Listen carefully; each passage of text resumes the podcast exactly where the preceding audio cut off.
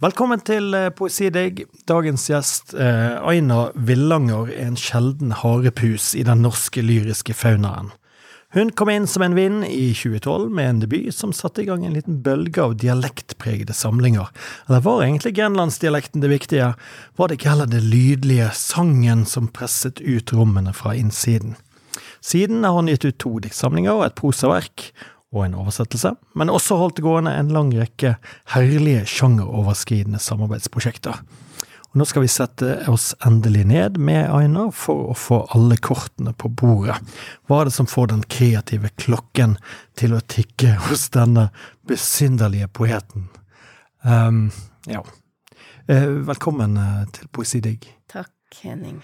Uh, og for de som har det som et ubeskrevet blad, kanskje, kanskje det er noen som ikke har fulgt med, så vil de kanskje høre litt uh, poesi først. Skal vi begynne med det? Ja, skal vi begynne med begynnelsen, da? Da leser jeg et dikt fra eh, Langsang, som var debuten.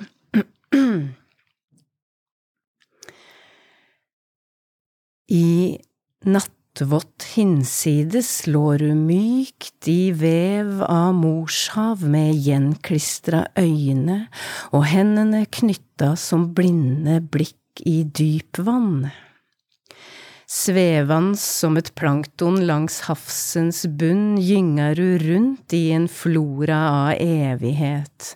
Omgitt av bobler i ekstase av ro blei du livnært fra en streng som blåste deg opp et kobbel mellom rei og det faste, forbindi til jorda ri mor. Ja, uten at du visste det, drømte du om landet med sol som kom inn sprekken, ga deg gule trompetstråler, sånn morgenene gjør, og vekka deg opp fra din sydans varme, rennans rødt i funklands sort. Mm.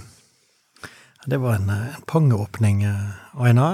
Uh, og dette er jo nesten en, denne langsang, det er jo nesten en, en skapelsesberetning, eller en stemme som ble født, kan jo man kanskje si. Uh, men hvor kommer denne, denne, denne stemmen fra? Ja. ja, det lurte jeg jo mye på selv også. Nei, altså på det tidspunktet gikk jeg jo på Skrivekunstakademiet i Bergen. Mm. Og fikk lov til å eksperimentere med tekster eh, i poesikurset sammen med Mette Mostrup. Og, um, Den danske poeten eh, Mette Mostrup. Ja, som eh, ble viktig inspirasjonskilde for min del. Så jeg hadde jo aldri skrevet dikt eh, før det, men jeg hadde veldig lyst til å gjøre det. Så hadde jeg jo bakgrunn fra kunstfeltet og en opptreden, vil jeg jo kanskje kalle det, en slags performance for mange år siden, mange år tidligere og jeg må nesten fortelle om den uh, som var litt sånn utslagsgivende for langsang, egentlig. Fordi jeg gikk på en kunstskole i Lofoten og drev med ja, billedkunst, lagde film og uh, malte og tegna og uh, Og skrev så vidt bitte lite grann, men det var bare noe jeg gjorde sånn på si. Så skriving var ikke noe viktig.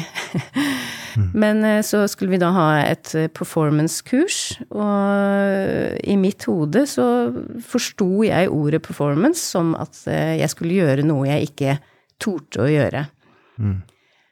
Og da eh, var det å opptre, eh, rett og slett. Ja. Eh, stå foran noen og gjøre noe. Ja, For du var kjempeformer i, i utgangspunktet? Nei, jeg var Ja, var vel heller Eh, eller taus og ikke så veldig eh, ekspressiv, da. Mm. Men eh, så fikk jeg det for meg, da, at jeg skulle lage, og da hadde jeg hørt på Maja Ratje, støykomponisten og støymusiker og eksperimentell avantgarde-komponist, egentlig. Mm.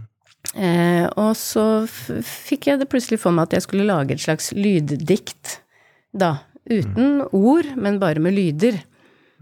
Eh, og da, på det tidspunktet, så kjente ikke jeg til noe Dada-bevegelse eller Kurt Schwitters eller noe ting, men, eh, men jeg gjorde da denne her lydperformancen eh, foran skolen, da. Og Kom det noen ord, da? I Nei, nei, for det var bare um, Ja, det var bare lyder uten ord, rett og slett, som jeg hadde satt opp som som en lydkomposisjon, da. Mm. Så jeg fremførte jo de lydene etter det komponerte lille Altså, jeg skrev ordene som ik, ak, u, e, u, et eller annet. Ja, Klassisk Dada. ja, ja, ja, så det var jo bare rør. Eh, Men eh, så fremførte jeg dette, og når jeg gjorde det, så, så skjedde det noe, Mm. rett og slett. Og eh, så torde jeg på en måte ikke å gjøre det igjen, men likevel så festa den hendelsen seg i meg, da, fordi jeg gjorde mange, gjorde mange andre ting, og begynte på øh, universitetet og øh, begynte å lese og skrive akademisk, da. Men øh, så var det noe i meg som hadde lyst til å gå tilbake til denne her øh, tingen som skjedde i den fremføringa. Og når jeg da kom på Skrivekunstakademiet, og vi skulle ha poesikurs, så hadde jeg lyst til å bringe frem den, den tingen. Ja. Og eksperimenterte mye med lyd, bare med ord. Jeg ville skrive ord nå. Så jeg eksperimenterte mye med ord eh, som da jeg henta fra min eh, grenlandsdialekt, da, egentlig der hvor jeg kommer fra, eh, utenfor Skien, Telemark. Og tatt ganske langt ut denne dialekten, vil Ja jeg si. da, så jeg tenkte jo aldri dialekt i mitt hode. Det, jeg tenkte lyder Ja, og morsomme ord. din. Ja, stemmen min og lyder, ordlyder, ordleker. Så det første jeg eh, lekte meg med, var eh, ru og rei. Altså bare man setter ru og rei sammen, så har man jo en rytme, ikke sant. Ru satt rei, eh, og istedenfor du og deg, altså. Så det var en sånn morsom lek jeg holdt på med da, eh, i Bergen. Og så, eh, etter noen uker, så eh, på en måte eh, rett og slett dukka dette her eh, langsang diktene opp, da. Ja. Eh, ja, eh, egentlig av seg selv. Så eh, den Var de skrevet ned først? Det har jeg alltid lurt på. Var de skrevet ned først, eller For det ser jo ut, altså på, på siden så ser det ut som et språk som er skrevet ned. Altså noen har sagt det, Ja. og så har noen transkribert ned ja, lydene, på en måte. Ja, nei, altså det Sånn jeg kan huske det nå, er at jeg en dag, en morgen, eh, bare satte meg ned og skrev det diktet sånn, rett ut. Ja, ja. Ja. Jeg, jeg vet ikke noe annet enn det. Så det bare skrev seg selv, og det var etter de eksperimentene med ja, dialektlyder, da, kan man si. Mm. Nei, for jeg, jeg tenker jo det at det kommer jo Det slår jo ned veldig hardt, uh, dette når det kommer. Jeg husker veldig godt når samlingen kom, og det ligner jo ingenting annet uh, fra sin egen tid. Så jeg, jeg tenkte jo det at dette måtte jo Aina Villanger måtte jo komme fra en helt annen bakgrunn. Mm. Så, det, Ja. så det, du tar altså gutsen fra kunstverden, da, altså? Ja, og det var jo så, sånn sett kanskje heldig for meg at jeg ikke hadde noe øh, innsikt i, i poesi, samtidspoesi, eller egentlig Du leste ingenting Nei, jeg gjorde- jeg gjorde ikke det, det før jeg kom på Skrivekunstakademiet, da. Da Ja. begynte jeg å lese dikt. Eh, og sånt. Men eh, så, så jeg visste jo ikke egentlig hva det var, og det ga meg nok en eh, veldig frihet i det eksperimenteringsrommet, da. Og at eh, det bare var åpent og fritt å gjøre noe.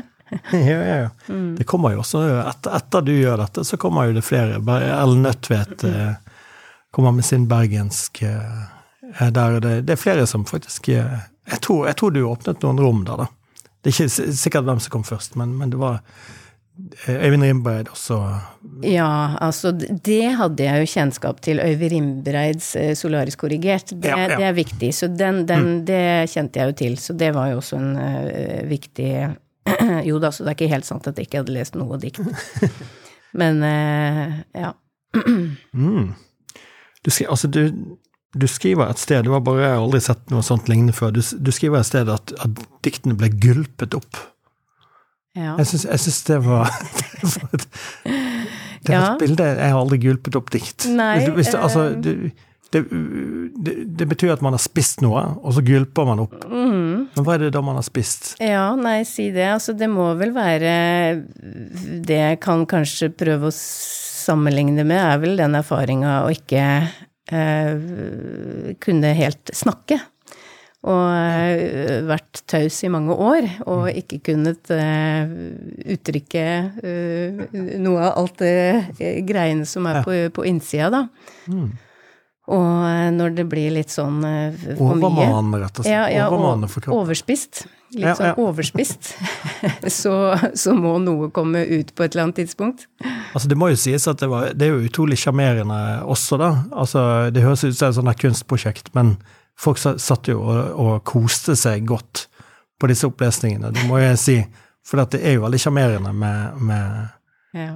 med så vanskelige ting fremført på en litt sånn eh, godmodig, fin, sånn Skiens eh, ting, da. For det, det er jo ganske høytsvevende ting, du. ja da. Det mangler ikke fremmedord.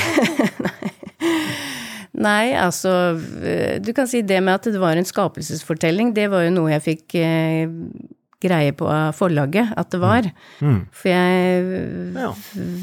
eh, Ja, altså som sagt så var ikke dette her noe tenkt eh, fra, fra min side. Det bare kom, og at det første diktet er et slags eh, fødselsdikt, det, det, det Sånn, hvis jeg skal tolke det, så tenker jeg at det er en begynnelsen på en type skriving, da. Begynnelsen på, et, på et forfatterskap, på en måte. Eh, Like mye som en konkret fødsel, da. Ja, Altså nei, for det, nei, enig det. Det er ikke noe det, det, er ikke noe linje gjennom boken fra, fra skav... Altså, det er jo Det står jo i undertittelen et habitat, Et, Mm. Altså, det, er et sted, det er et klima, det er et, Ja. et sted du kan Et gå inn i. Et skrivende univers, da. Ja, eh, et måte. sydens-habitat. Ja. Altså sydendes. Ja. Eller gudene vet hva det er vanlig norsk. Flytdans og sydans. Ja. Ja, ja, et fly. Og Var det et! Jeg tror Ja. jeg sa sydans. Ja, ja, men det er noe kanskje- sydans et eller annet annet sted, er det sydans.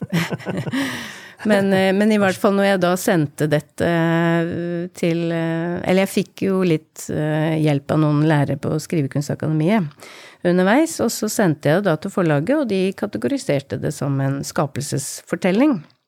Ja, de skriver eh, en dobbel genesis der historier til universet og et ru, altså et du, sin vei mot skriving blir fortalt i et lydleg munnleg og overdrive visuelt språk med røtter i grenlandsdialekter. Det er det som står i katalogen. Mm. Så det Men du, har du lyst til å lese litt til fra den her? Nå har vi, vi er veldig- nå Ja. Kan jo bare lese kan folk fortsettelsen. høre, høre mer fra dikt, eh, diktsamlingen nå med forståelsen eh, fra vår samtale. Brått blei det høl i hinna, i en foss av rødt rant du ut spjæla hud, med fjeset dekt av folie drukna du inn i landet med luft. Strengen som var brua tilbake sliti over, forbindelsen bryti, nå var du ikke lenger en parasittisk celle av et foster. Var det vondt, blei du blenda i ører og øyne? Av trompeten et drønn og lyset en syl, av stedet du ikke visste du lengta etter? Med øynene åpne var du plutselig til stede, blei lemmer av fysikk, blei fakter med knyttnever, kapillærer blei pumpa med pust, jernrødt blei fylt opp i labyrintkriker av rør, en tromme fra inni rei sprengte fram skrik. Ja, sånn blei du bløta opp som snylter på vertinna mens det hele tida rant i rei, etter gynga i mørket, etter noe annet enn alt. Vi skal tilbake altså Jeg tenkte, jeg har ikke helt lyst til å slippe det, det, ti, det aller uh, tidligste her. Altså, at du, jeg har lest et veldig fint uh, essay du har skrevet, eh, der du beskriver en eller annen slags åpenbaring som tolvåring. Der du går med din far. Og det er kanskje litt flaut å snakke om det. Altså, En ting er å skrive om det, men, men det er et eller annet som skjer der. Eh, eh, en av mine første poetiske opplevelser var da jeg gikk med min far på en strand langs den nordlige kysten av Danmark. uh, skriver du der. Og, og, og hva er det Fordi at jeg føler kanskje at kimen til det du skal skape seinere, i en eller annen form, om det er kunst eller Det, det kommer fra en eller annen tidlig erfaring, da. Ja, eh, det, det, var jo en sterk opplevelse som jeg har eh, tenkt på seinere, og eh, det var jo egentlig særlig etter jeg leste Inger Christensens beskrivelse av noe tilsvarende, mm. hvor, hvorpå hun gikk langs Det var vel når hun bodde i Århus eller Aalborg, at hun beskriver at hun gikk ned til vannet og lytta til noen bølger. Og så skriver hun rett og slett det at det var bølgeskvulpet som gjorde at hun skrev et dikt etterpå. Mm. Og det eh, Altså, den gangen for meg, jeg og min far, vi gikk på stranda, og jeg, jeg husker bare eh, erfaringen av bølgene som kom mot oss mens vi gikk langs eh, stranda der, og eh, er på en måte eh, ikke egentlig lyden, men mest eh, bevegelsen av vannet som kommer mot oss, da, jevn, jevnlig frem og tilbake. Mm. Og at det fremkalte bølgende setninger i hodet mitt, da. Mm. Eh, som jeg ikke husker hva var. Ja. Jeg husker ikke de setningene. En slags romantisk kunstopplevelse. Altså ja, ja. At, at, at, naturen Snakker. Snakker til deg, mm. rett og slett. Rett og slett at bølgene snakka i, til meg oppi hodet mitt, da, som i form av setninger. Men mm. uh, jeg fortalte det aldri til faren min, jeg har egentlig mm. aldri sagt det ennå. Men uh, Han følger nok med og leser? Jo. Googler deg? men, uh, men i mm. hvert fall, det var en, en sterk mm. poet det som jeg vil kalle en poetisk erfaring, da, en kontakt mm. med mm. og, og, at det var det rytmiske som mm. satte dette eh, tankestoffet i gang. Ja, ja. Mm. ja nettopp. Nei, men det er jo den eh, Ja, at det er det lydlige og ikke det syntaktiske, eller meningen, eller ja. sånn og sånn, som interesserer deg, da. Ja da, det er, det er rytme og, og, lyd eh, på en måte ikke akkurat mer enn innhold, men nei, nei, nei. i hvert fall mm. like mye, da. Mm. Mm. Og det er ikke alle som tar hensyn til. Norsk eh, poesi blir jo nettopp kritisert for å ikke eh, ta opp i seg det lydlige eller sangen, eller mm. rett og slett ikke, ikke, forholde seg til den eh, Jeg tror det er Øyvind Berg, eller Nå må jeg passe meg, jeg husker ikke hvem som, hvem som har kommet med kritikk. Liksom, at, ja. at, at, det er for mye mening og innhold og språk, og språk for språkets skyld. Og, ja. hvor, hvor er sangen? Hvor er den delen. Men jeg er helt mm. enig, det mangler ikke på, på innhold der.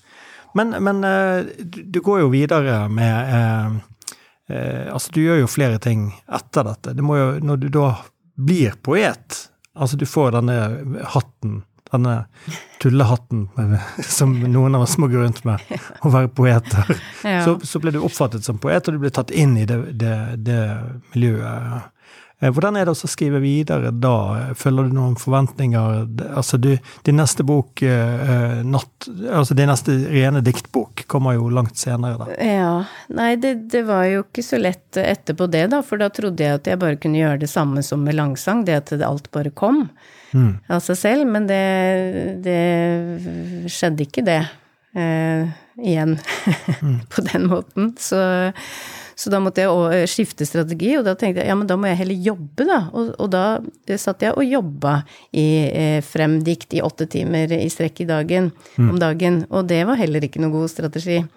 Så, så, det var veldig mange knotete, fortenkte metoder.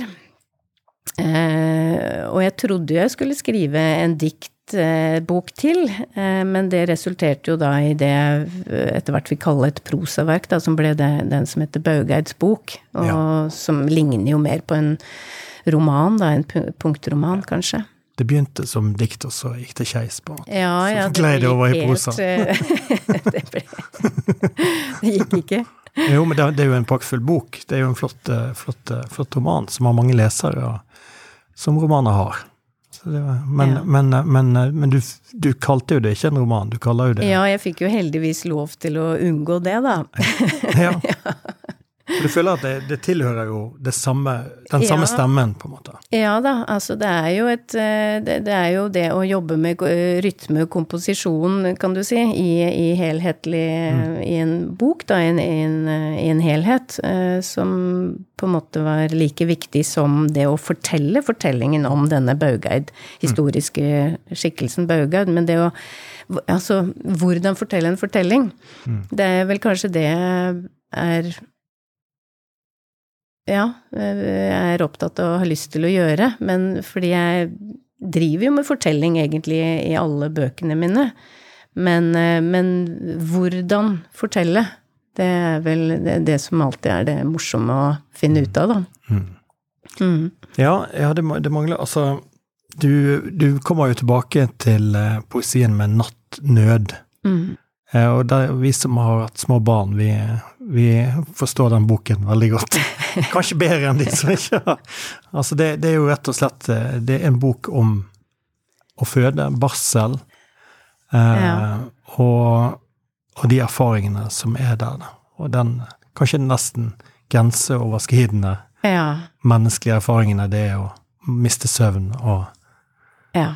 Og det landskapet som er midt på natten der når Ja, ja, ja. Og den eh, var jo heller ikke planlagt, egentlig, den boka der. Så den var jo ikke så veldig vanskelig å få til, eh, sånn sett. For den ble jo litt skrevet da de eh, Den begynte på den måten at den ble skrevet da om natta når jeg ikke fikk sove, fordi jeg bare lå og venta på at sønnen min skulle våkne igjen.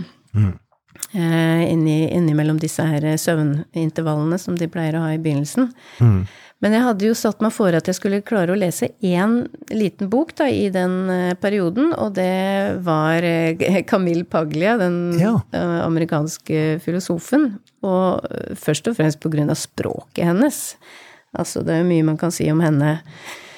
Ja, både politisk og filosofisk, men, eh, men hun skriver jo også frem en slags skapelsesfortelling i sin store øh, avhandling, øh, som de, deler av den er oversatt til norsk, da, i en bitte liten essay, et kapittel på en måte som er oversatt til norsk. Så det lille kapitlet, det eh, Det inspirerte hele boken. ja, ja, ja, for det klarte jeg å lese, for det er bare på 100 sider eller noe sånt nå.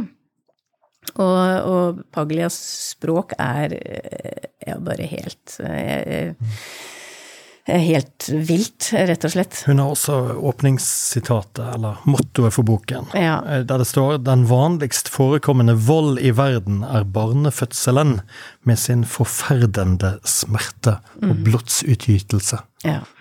Mm. Så, og så setter hun eh, det opp eh, imot sykehus, eh, sykehusets kliniske, hvite, rene helseuttrykk. Eh, så det, det, er noe sånn veldig sterke klasj i, som egentlig går gjennom i, i språket hennes, da, gjennom eh, hele boka. Så, men i hvert fall, så da var det utgangspunkt for øh, å begynne å øh, Ja, jeg fikk lyst til å begynne å notere, da. Mm. Mm. Og da begynte det med bare noen få ord, og så ble det Så Noterte du? klarte jeg ikke å slutte. Var det også om natten du noterte, holdt jeg på å si? Ja, Var det Ja, eh, ja det, det ble jo det. Det var sånn det begynte, ja. Det begynte med en, en, en type nattskrift, ja. Mm. Ja, men Det er imponerende. Istedenfor å legge seg ned og prøve å sove Ja, ja, mellom slagene, så skriver man dikt. Ikke sant, så det var jo jeg, Det var jo ikke akkurat så lurt sånn sett, fordi det ble jo ikke mer søvn av det. Kan, kan vi få høre litt fra Nattnød, Ja, Aina? mm. Jeg må nesten lese et lite strekk, da. Mm. Nei, nød, natt, skrik, sug, pust, amme, skrike, skrike i barnet, suget i meg, i senga, i søvne.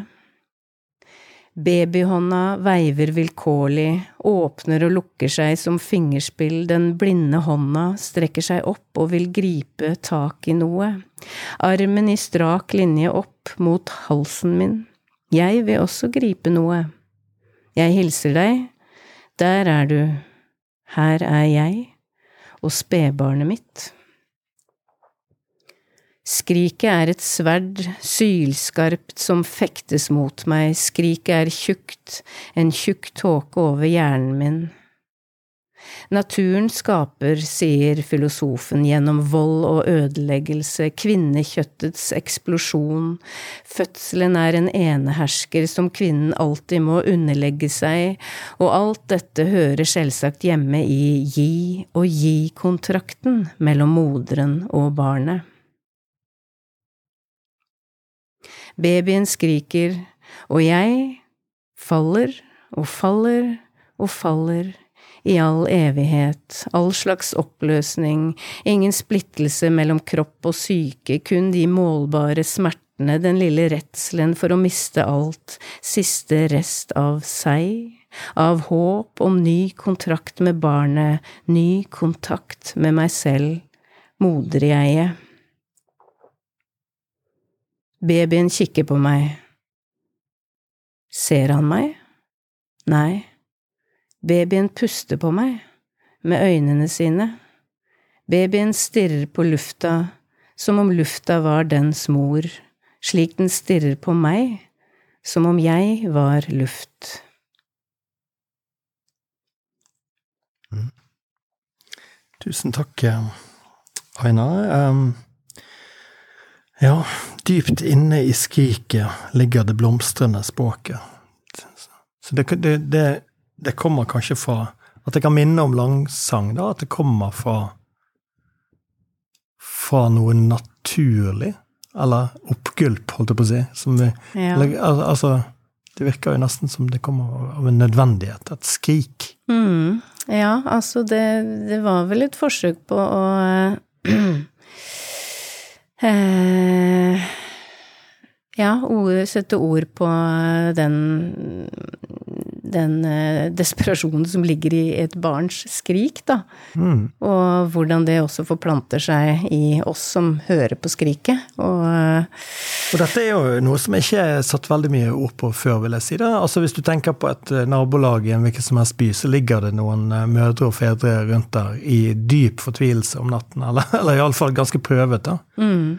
Men det er jo ingen som skriver om det, eller, eller beskriver det. Det er veldig få som har gjort det. Ja, altså sinne og skrik, altså det er vel noe av det som er det vi er øh, reddest for å ta tak i, da, eller reddest for å nærme oss, og, og som er mest komplisert. Eh, eh, I hvert fall barns sinne, og, og det er jo klart, er et spedbarn sint? Eh, men det kan man jo stille spørsmål om, men, men i hvert fall det, det, det uttrykker et sinne. Det uttrykker en desperasjon og, og et sinne eh, som eh, i hvert fall jeg var veldig eh, Ja, jeg, jeg opplevde at han var sint på meg.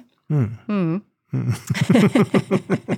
så da, så, så, så, Det hadde mest sannsynlig noe med mat å gjøre. ja, eller magen. sant? Og hva, hva skal jeg gjøre da, når, når et spedbarn er sint? Det er jo heldigvis ganske få ting som trengs å gjøres for å få sinnet til å dempe seg, da. Og hvis ingen av de funker, da, da har man et problem. Ja, ikke sant. Men, eh, men hva, hva det skriket setter i gang av noen helt Mm. dype, dype, gamle urfølelser, da. Mm. Av usikkerhet og um, eh, Samtidig den eneste måten det, det eneste man da må gjøre, er jo å prøve å dempe skriket. Mm. Ja. ja. Vi har snakket, snakket litt i podkasten før med bl.a. Marte Huke om, om dette med denne rene kvinneerfaringen da, som en fødsel er.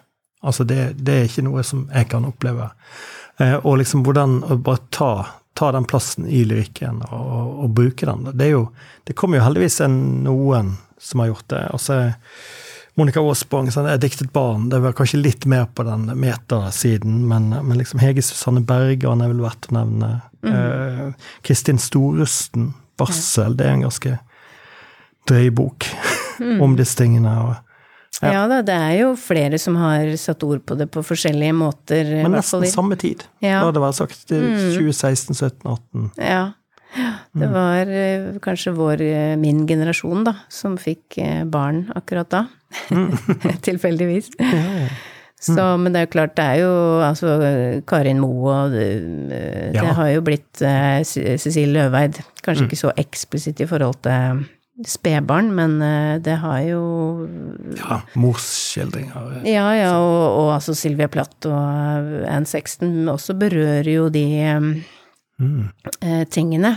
Eh, men eh, det har jo kanskje ikke blitt eh, Som vi, for øvrig så i går kveld, la det være sagt. Ja. Som vi kan avsløre. Vi var på Nationaltheatret begge to i går, og så Cecilie Løveids stykke 'Jeg er Sylv', Ja. som tok for seg kanskje litt av det. Mm. Mm.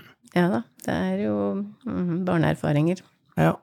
Men det, det rundt, rundt samme tid så, så, så dukka det også opp en bok fra din òg.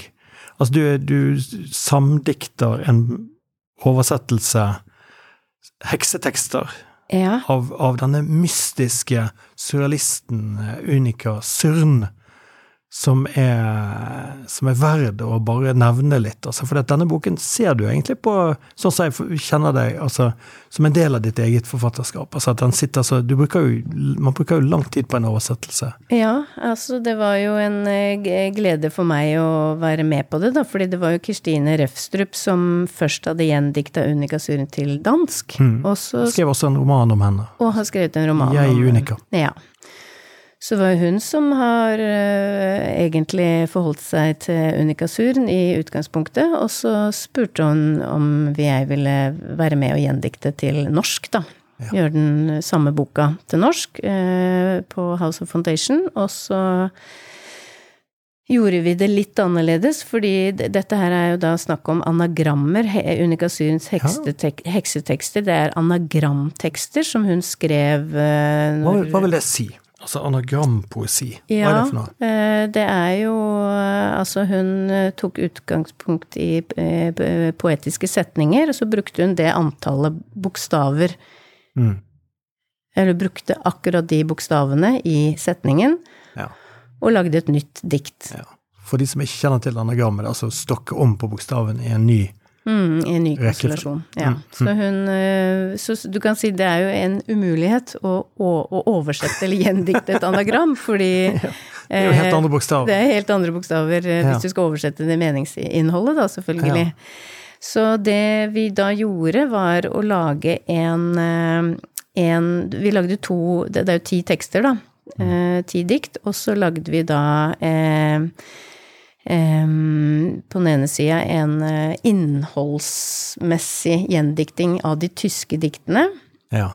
Og så lagde vi nye anagrammer på norsk ved å først oversette titlene Ja, på, på alle diktene til norsk, oversette titlene til norsk, og så brukte vi da de norske bokstavene til å lage nye dikt, rett og slett. Så vi lagde to versjoner, på en måte, da. En rein eh, oversettelse, kan du si, Mm.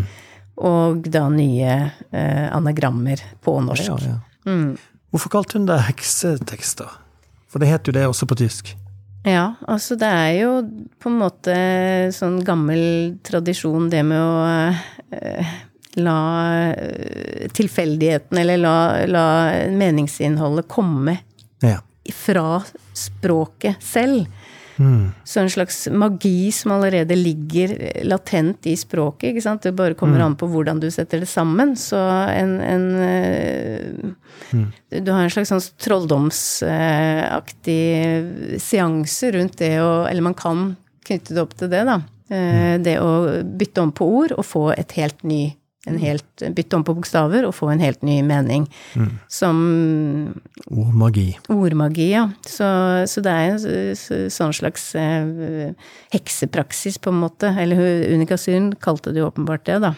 Mm.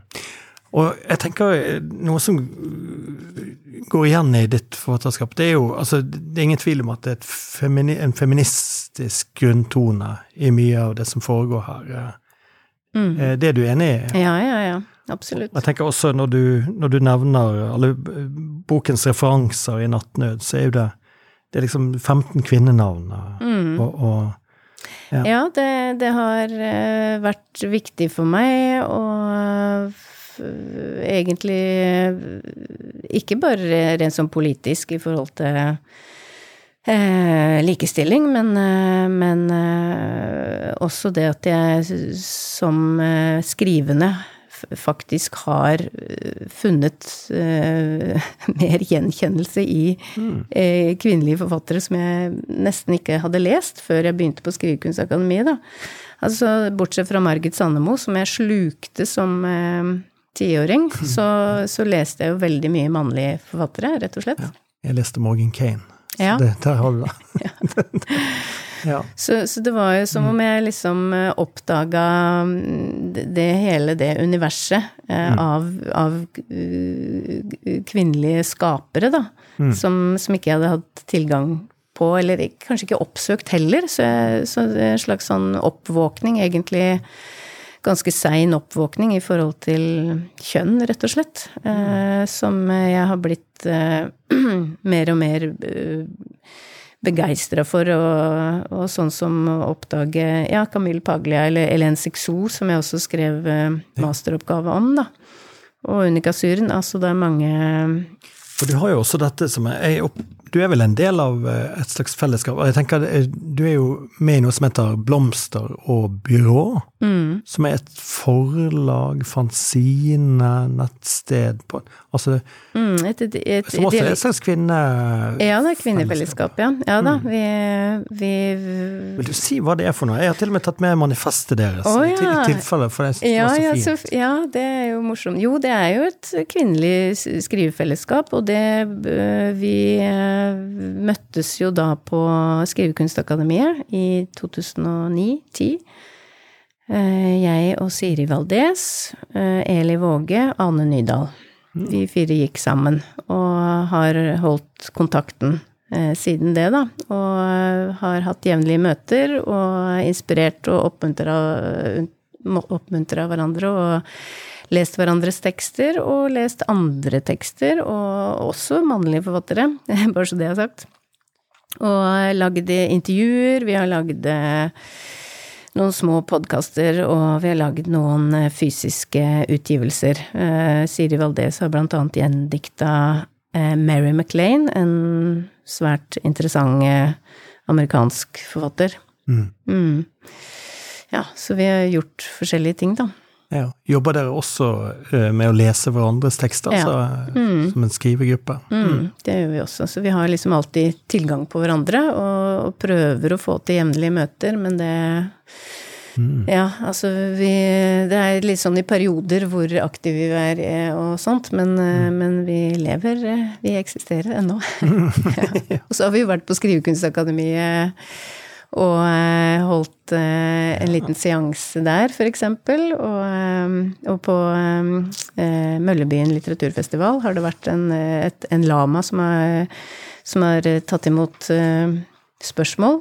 det er veldig lekent og morsomt ja, og fint, da. Ja. Og sjangeroverskridende. Jeg vil jo si at noe av, av annet Anne, Anne Nydals bok, hva var det den het igjen, den om hun russiske millionæren? Ja, den heter jo O Gulnara Eh, altså, den handler om eh, Gulnara eh, eh Den eh, altså datteren til eh, diktatoren i um, Tsjetsjenia? Nei, ikke Tsjetsjenia, men Kirgisistan. Ja, ja mm. Som er også en svært kontroversiell kvinneskikkelse. Som, men der har hun laget en slags uh, lappeteppe av en bok med, med litt sånn altså, jeg, jeg, opplevde det som en banebrytende flott, mm. flott uh, bok, da, som var gitt ut på Blomsterbyrået. Ja. Så det er jo et forlag også. Ja, det er forlag òg. Så ja, lyrisk sakprosa.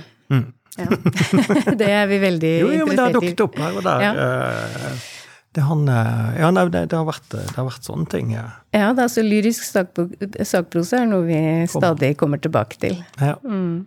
Eh, vi må jo også snakke om den, den siste boken din, eh, 'Onkel Arne og månen', som mm -hmm. også eh, er noe som tar, tar, tar, tar, oss med inn i et, et materiale som du finner vil, vil du si litt uh, hva som skjer der? Det, det dukker rett og slett opp mm. noen gamle notater fra, de, ja. fra en slektning av deg. Ja, altså det her er jo egentlig Det, her stoffet er jo like mye utgangspunkt for mitt uh, skrivende virke. Fordi ja, når jeg da gikk på den kunstskolen som jeg snakka om, så fikk jeg plutselig tilsendt et, en liten brevpakke fra min tante. Og mm. det var da notater fra 1967 av min avdøde onkel.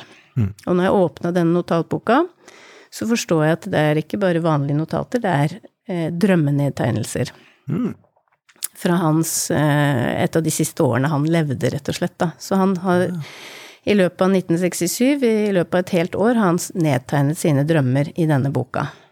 Rar, en rar innsikt å få i et Ja, annet Ja, Og han døde jo ti år før jeg eh, ble født, så jeg har jo aldri truffet han, jeg har bare hørt fortellinger om han. Og så får jeg da denne drømmedagboka, og eh, skjønner at jeg må gjøre noe med det.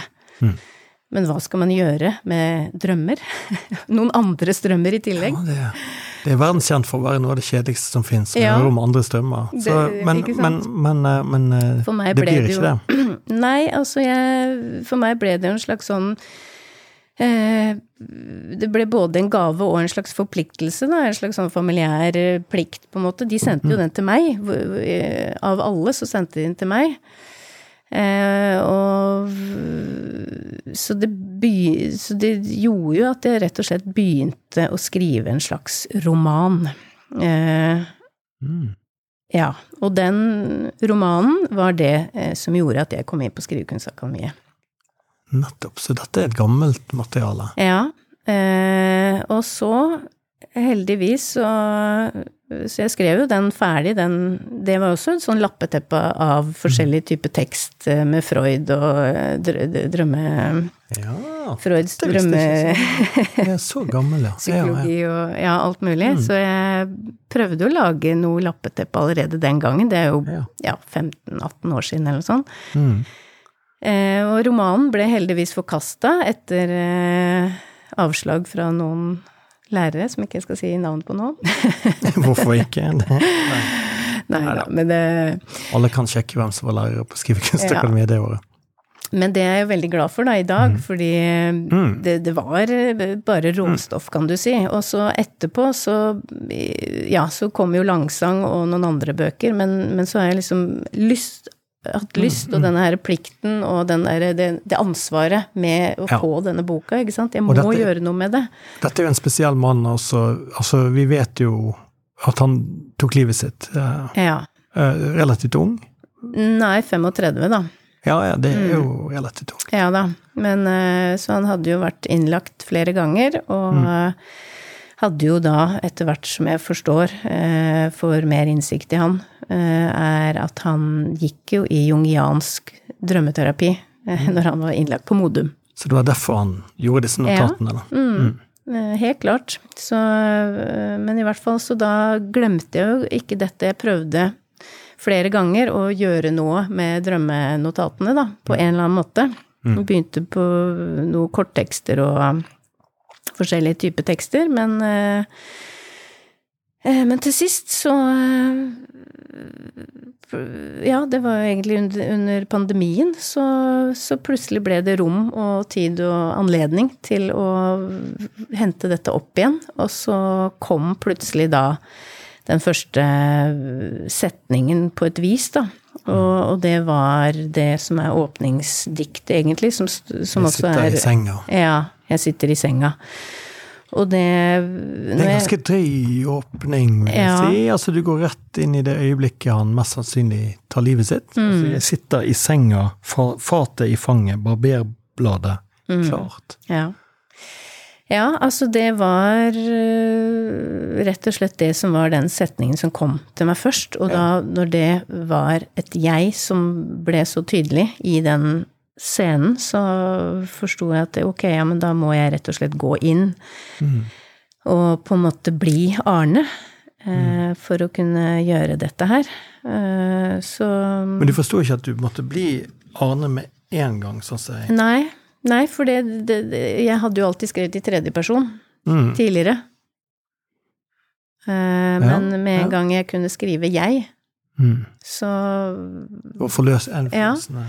Så falt det på plass, og da på en eller annen måte eh, så kom diktene, og, og, så, og så er jo dette her en måte å skrive på som er eh, eh, ikke det samme som langsang og nattnød i det hele tatt, fordi jeg henter hele tida eh, sitater fra hans drømmer og fletter inn i eh, den såkalte for, overordna fortellingen som jeg eh, komponerer, da. Ja, og det er også utdrag her fra ting han har skrevet i avisen. Ja. Altså andre Ja, andre funne type tekst. tekst. Andre funnede tekster. Så det er jo sånn kollasj-lappeteppe av mye av hans egne tek eh, type tekster, drømmetekster. Noen få da, som er faktisk dagbokstekster Ja. av noen syvende sanser som jeg Ja, ja, ja. har fått. Og noen petitter som han skrev da i Agderposten på Sørlandet, eh, hvor han bodde, da. Hvorfor er det bilde av en stor måne på forsiden her borte? Ja, og så eh, var det jo. Ikke sant. Så jeg Det var jo det at han døde rett og slett eh, 9. juli 1969. Og det er tre-fire dager før Apollo 11 eh, går opp til månen. Så, eh, og så har han jo Han var jo i USA, han studerte i USA på 60-tallet. Slutten av 50-tallet og 60-tallet. Så, så han var jo eh, veldig interessert i det, det amerikanske, kan du si, da. Og ikke minst, så, så helt faktisk, så er noen av drømmene hans berører jo måneoppskytingen. Eller månekappløpet, kan du si. Så jeg ville rett og slett kontekstualisere hans situasjon ved å sette det inn i inn i den tida det var, da, med det verdenspresset som egentlig foregikk, eh, som ikke enkeltmennesker kanskje eh, tenkte så mye på, men som jeg har på en måte eh, latt finnes i Arne, da.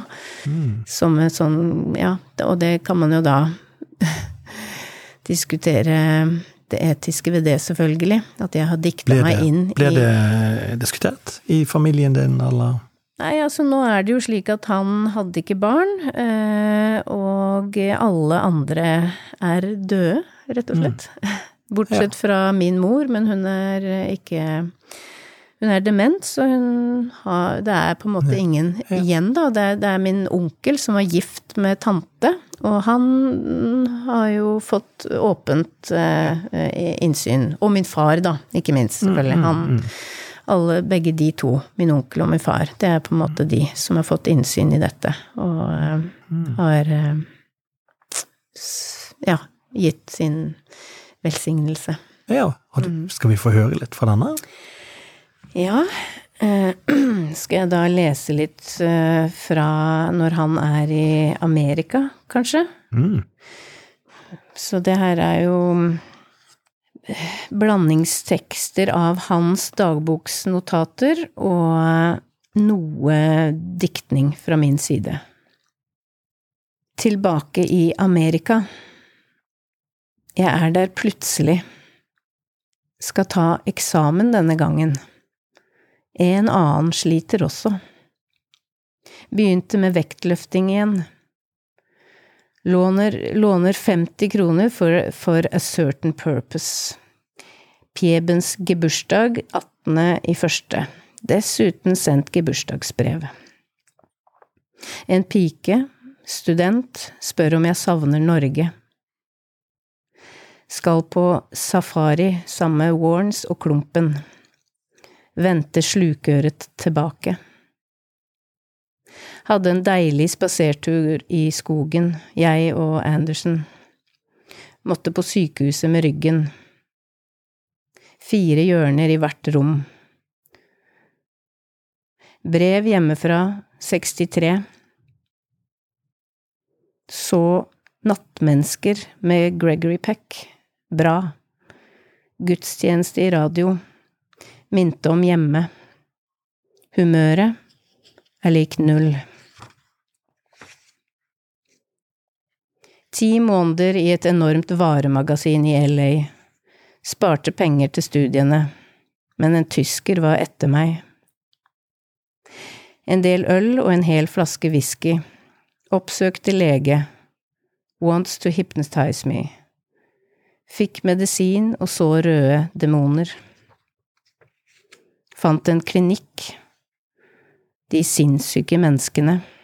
Er jeg sinnssyk, spør jeg. Ser menn bundet på bårer, helt stive, stirrer opp i lufta. Det blir servert kjempesvære kjøttstykker. fæle greier om nettene. Gjør alvorlig forsøk på å hoppe ut av vinduet. Så et slags farvefilmopptak av meg selv. Jeg er vettskremt, jeg er vettskremt for den mørke tingen som sover inni meg. Mm. Ja, eh, det var Aina Villanger som ble ordna der. Månen får jo også faktisk en liten tilsvarsrett på slutten der, eh, i, en, i, en i den fine linjen. Månen sier 'Jeg er lei av denne døde dansen og fryser alltid på ryggen'. Mm. ja, altså, det er jo noe med øh, hvordan skrive fortelling, da, tilbake til det. Og mm. øh, det å skrive om en så tragisk eh, situasjon og gå inn og dikte rundt det. Eh, for meg så var det nødvendig å ha inn noe lekent eh, mm. i, inn i dette mørket, da. Og, og, også siden det kontekstualiseres rundt hele måneoppskytingen og månekappløpet og, og sånt, så ja, jeg ville lage en slutt sang. Eh, også en sang, da, for å Ja, på en måte for å eh, lage en slags fortsettelse etter døden, på et vis. Mm. En slags eh, Ja, at uh, mm. Månen, ja. månen henger der ennå. Mm. Ja. Så, så, da ble det en månes, månesang, rett og slett. Mm. Ja. Eh, ja, det har vært en veldig, veldig fin eh, liten time her. Eh, det er ting jeg gjerne skulle snakket med deg om. Forfatterbevegelsen, danseprosjektet vi begge var en del av, var jo festlige to år med Ja. Der du opptrådte Altså i forhold til å være performer, du, du sto alene på scenen og fremførte en dans, rett og slett, ja, på Dansens ja. hus for masse folk. Mm, ja, det stemmer. Ja. Hvordan var den erfaringen? fikk jo, altså, prosjektet fikk jo kritikerprisen, ja, hadde vært sagt. Ledet av Marie Berg Behandla. Ja, nei, det, det, ble jo veldig mye større enn vi ble forespeila i begynnelsen. For det, det, vi, det jeg på en måte ble invitert til, var liksom å lage bare en sånn bitte liten obskur ting som skulle foregå nede i en kjeller som ingen noensinne kom til å bry seg om eller se eller tenke på. Ja. Og det hørtes jo morsomt ut sammen med noen andre forfattere, tenkte jeg. Så da sa jeg ja til det, og så vokste det og plutselig ble veldig mye større og endte med en slags turné rundt omkring, og ikke minst at vi var på Dansens Hus og fikk sånne håndklær ja. rundt uh, Håndklær og flaske til å drikke foran de her speilene i garderobene. Rundt, rundt, sånn som i Hollywood. Ja, det var ja. Så det Noen strøk klærne våre mellom hver, ja, ja, ja, mellom hver forestilling. I hvert fall vaska de. Ja. Så eh, det Men eh, det er jo også det å gå inn og ut av roller, på en måte, da. Som mm. kanskje er eh, poetens leve, levemåte. Mm. Mm. Uh, ja, uh, din venninne Anne Nydal, som også var til stede i går på den teaterforestillingen, hun, hun, var veldig hemmelighetsfull i forhold til noe du holdt på med nå.